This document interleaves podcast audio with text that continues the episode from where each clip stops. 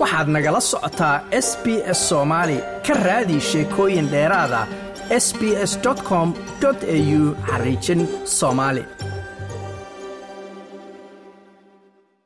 kadib markii toddobaadyadaan ay soo kordheen xaalado nabadgelyo xumo oo ka jirta degmooyin ka tirsan gobolka banaadir oo kooxo hubaysan dhac iyo dilal ay ka geysteen ayay ciidanka biliiska soomaaliya shir deg deg ah waxa ay ka yeesheen wax ka qabashada. Arrintaasi iyagoona sheegay inay caasimadu ka bilaabayaan howlgallo looga hortegayo dhaca loo geysto shacabka ciyaal weerada iyo ka ganacsiga iyo isticmaalka muqaadaraadka.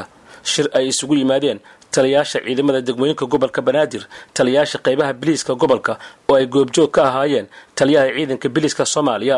jenaraal cabdi xasan xijaar taliyaha ciidanka biliiska gobolka banaadir islamarkaana looga hadleeyey xoojinta nabadgelyada caasimadda ayaa waxaa laga soo saaray dignino kala duwan shirka oo saacado badan qaatay islamarkaana ay saxaafadu dibadjoog ka ahayd ayaa markii uu soo idlaaday waxaa warbaahinta shir jalaa'id u qabtay oo u faahfaahiyey waxyaabaha laga hadlay afhayeenka ciidanka biliiska soomaaliya cabdifataax aadan xasan waxaan bulshada gobolka banaadir u xaqiijinaynaa in guud ahaan ciidanka booliiska soomaaliyeed oo aan kala harin qaybta guud ee booliiska gobolka banaadir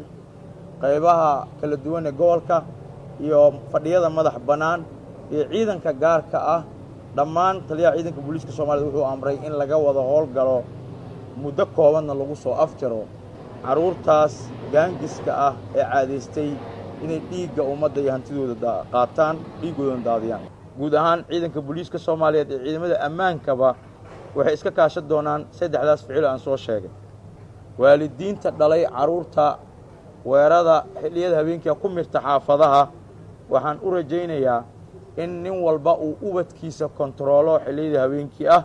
goobaha uu ka shaqeeyo wuxuu qabtana uu ka warhaayo laga bilaabo maanta xilliyada habeenkii ahna waxaa bilaaban doona howlgalo lagula dagaalamaya dhammaan intaas aa soo sheegay oo ay maanta u fadhiyaan guud ahaan ciidanka booliiska soomaaliyeed oo hogaaminaya taliyaha ciidanka booliiska soomaliya taliyaha qaybta guud ee gobolka banaadir waxaan rabnaa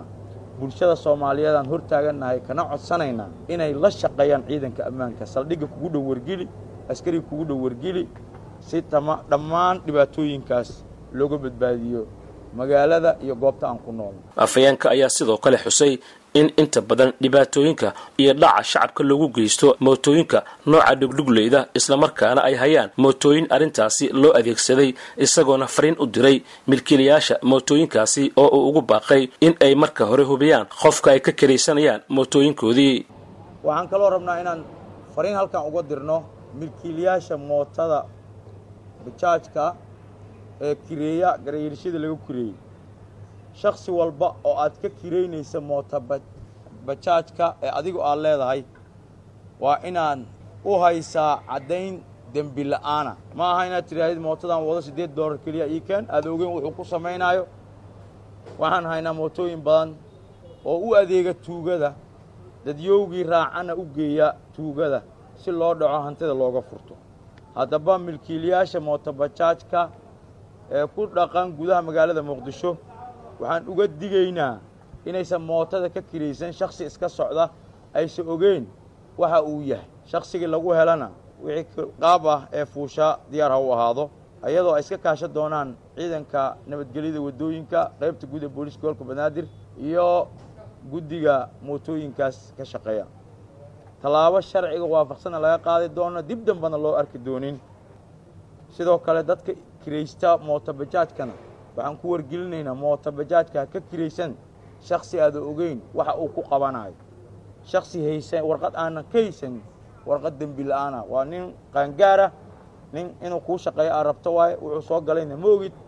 fadlan hantidaada ha ku aaminin. Shaksi u bareeraya inuu ummadda soomaaliyeed ku dhibaateeyo ku dhaco ku dilo afyeenka ciidanka biliiska ayaa ugu dambayntii waxa uu sheegay in noocyada kala duwan ee maandooriyaashu ay qayb ka geystaan nabadgelyo xumada ku soo kordhay caasimadda isagoona dignin u diray dadka ka ganacsada iyo kuwa isticmaala noocyada maandooriyaasha wuxuuna bulshada soomaaliyeed u ka codsaday inay la shaqeeyaan ciidanka biliiska oo ay wargeliyaan. Sidoo kale waxaan dignin u diraynaa dadka iibiya ama soo dejiya ama ka ganacsada daraagiska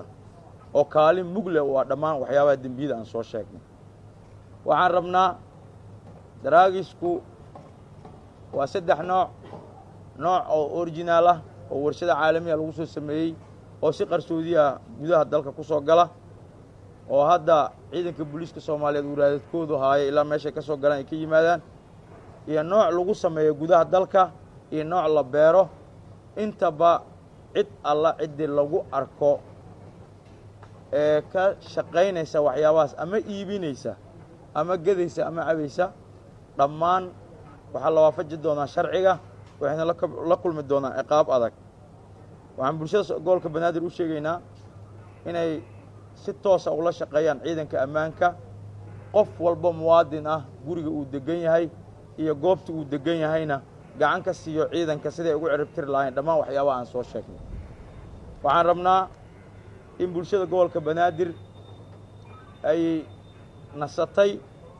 nabadda iyo horumarka ay ku naalonaysaan ay tahay horumar ay ka shaqeeyeen bulshada soomaaliyeed oon u mahad celinayn bulshada gobolka banaadir